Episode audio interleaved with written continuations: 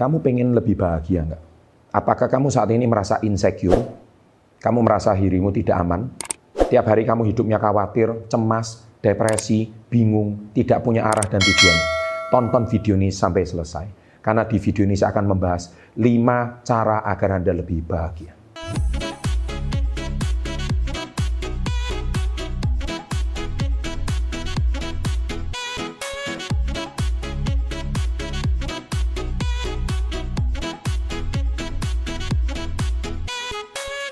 Sahabat SB30 yang saya cintai, apakah Anda merasa hidup Anda itu seorang diri? Apakah Anda merasa hidup Anda itu cuma temannya sama komputer, sama sosial media? Anda susah mau menemui teman, di keluarga Anda dibenci, di lingkungan pertemanan Anda tidak diterima, Anda cuma dibully, diolok-olok. Kemudian Anda hari ini hidup di lingkungan baru, Anda juga merasa tidak nyaman. Anda selalu merasa diri Anda itu konflik. Anda sering kali merasa diri Anda itu merasa tidak aman. Dan pertanyaan saya satu, apakah perlu lagi hidup di dunia? Dan yang mengerti Anda cuma Tuhan yang Maha Esa. Ini berarti tanda-tanda Anda itu sudah mulai insecure. Nah, tips ini semoga di video kali ini saya bongkar supaya Anda bisa keluar dari rasa insecure Anda. Dan terutama Anda yang masih usia di bawah 30 tahun. Tapi kalau Anda mengalami ini, so it is a very dangerous sign. Ini adalah tanda-tanda yang sangat bahaya. Semoga tips saya kali ini bisa membuat Anda keluar dari rasa insecure Anda. Yang pertama, Anda memiliki kadar pikiran positif harus lebih banyak dominan daripada negatif. Jadi tolong Anda kalau melihat sesuatu itu, tolong lihat dari sudut pandang positifnya dulu. Jangan lihat sudut pandang negatifnya. Kalau Anda selalu melihat masalah itu dari sudut pandang negatifnya, Anda berarti termasuk pribadi yang insecure.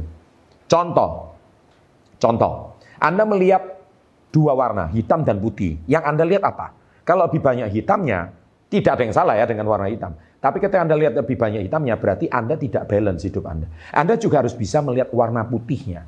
Ketika Anda bisa melihat warna putihnya, Anda juga sama seperti Anda bisa melihat warna hitamnya, berarti hidup Anda sudah mulai balance. Oke? Okay? Yang kedua, jujur. Orang yang insecure sering kali hidup di balik topeng. Seringkali hidup di balik bayang-bayang orang lain sering kali hidup dipenuhi dengan fake, dipenuhi dengan kepalsuan, dipenuhi dengan rasa tidak aman, dipenuhi dengan rasa menjadi orang lain. Kalau pakai bedak dempulnya itu sampai 3 cm seperti ini. Sehingga kalau dipakai, wih langsung kelihatan kulit aslinya bopeng semuanya. Fake. Kenapa harus lihat cantik di Instagram, tapi akhirnya fake, palsu. This is called insecure. Itu yang namanya rasa tidak aman. Nah, jadi Anda harus belajar jujur, honesty. Jadi kalau Anda merasa diri Anda jarang jujur dengan diri sendiri, pasti Anda merasa tidak aman dan Anda merasa tidak bahagia. Oke, tips yang kedua. Tips yang ketiga. Nah, ini yang jarang dialami oleh pribadi insecure dan sulit untuk bahagia, yaitu kurang dan kurang bersyukur. Oleh sebab itu Anda harus sering bersyukur. Hei, pribadi-pribadi insecure, saya cuma ingin menegaskan Anda, coba ikuti gerakan saya Pegang kedua tangan Anda. Pegang jari-jari Anda. Lengkap nggak? Sepuluh nggak? Anda harus bersyukur. Ada orang jarinya tidak lengkap. Coba lihat mata Anda. Anda masih bisa melihat saya nggak? Pegang. Mata Anda normal kan? Bagaimana dengan orang yang buta? Hei, coba dengarkan headphone Anda. Telinga Anda pegang. Telinga Anda masih sempurna kan? Hei, dengar, ada orang tuli itu bagaimana? Coba Anda lihat mulut saya. Anda masih bisa uh, mengecap kan, bisa merasakan makanan enak kan. Bagaimana dengan orang yang buta ataupun hari ini indera pengecapnya sudah mati. Hari ini Anda mendengarkan saya di depan handphone, di depan komputer. Wahai bersyukurlah Anda masih punya komputer dan handphone. Bagaimana dengan orang yang hari ini rumah aja nggak punya. Apalagi HP. Rumah tinggalnya aja pindah-pindah nggak jelas. Apalagi HP bisa punya koneksi internet yang bagus. Wahai anak muda, kalau hari ini Anda merasa diri Anda insecure, Anda merasa diri Anda tidak bahagia, merasa diri Anda tidak aman. Satu, pesan saya, kamu kurang bersyukur. Mulai sekarang perbanyaklah bersyukur, nih saya Anda akan menjadi jauh lebih kuat dan jauh lebih bahagia. Dan yang keempat, bagaimana Anda melepaskan dendam. Ini yang paling penting. Orang yang insecure pasti punya kepahitan. Orang yang tidak bahagia pasti punya kepahitan. Dan kepahitan itu ibaratkan sebuah racun yang Anda pelihara dan semakin lama semakin besar. Ibaratnya sebuah bibit kanker yang Anda pelihara tambah lama tambah besar. Dan bibit kanker ini semakin lama semakin berkembang biak dan tidak tahu kapan dia akan meledaknya. Tidak tahu kapan bom waktu itu akan meledak. Nah, dendam itu seperti itu. Pribadi-pribadi insecure seperti Anda adalah orang-orang yang lemah secara jiwa adalah orang-orang yang secara mental tidak kuat, adalah orang-orang yang secara mental sedang bermasalah. Dan itu bukan berarti fisik Anda lemah, fisik Anda sempurna, tapi jiwa Anda lemah.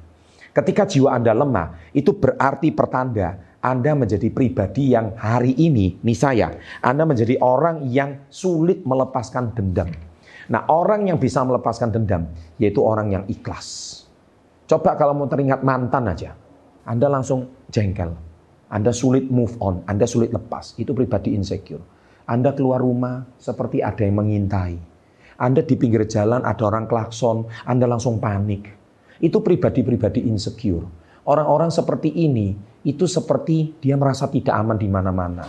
Anda kalau dilihat jalan di tengah orang-orang banyak, Anda kok merasa semua puluhan pasang mata sedang melihat Anda. Anda merasa risih. Anda seperti ditelanjangi di depan orang-orang. Betul? Apakah Anda pribadi seperti itu? Tulis. Bermakna Anda menjadi pribadi yang suka dendam sama orang lain. Dan yang terakhir, memiliki sosial hidup dan gaya hidup yang sehat. Ingat, orang-orang insecure adalah orang yang terlalu lama hidup sendiri. Saya tahu Anda lebih nyaman hidup sendiri, Anda lebih nyaman hidup seorang diri. Tapi Anda sesekali harus berinteraksi secara sosial. Tidak semua manusia itu jahat, pesan saya.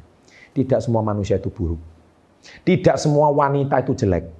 Tidak semua pria itu pembohong.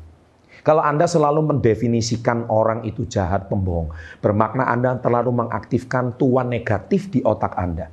Ketika Anda terlalu mengaktifkan tuan negatif di otak Anda, berarti Anda selalu mengaktifkan sisi negatifnya orang lain di dalam diri hidup Anda. Ini saya hari ini belajar berinteraksi sosial, meskipun itu berat tidak nyaman, but you must do it. Ini saya, hidup Anda akan jauh lebih bahagia. Dari saya, Chandra Putra Negara, Jangan lupa klik like, share pada teman-teman Anda yang merasa insecure atau tidak bahagia. Semoga video ini menolong mereka.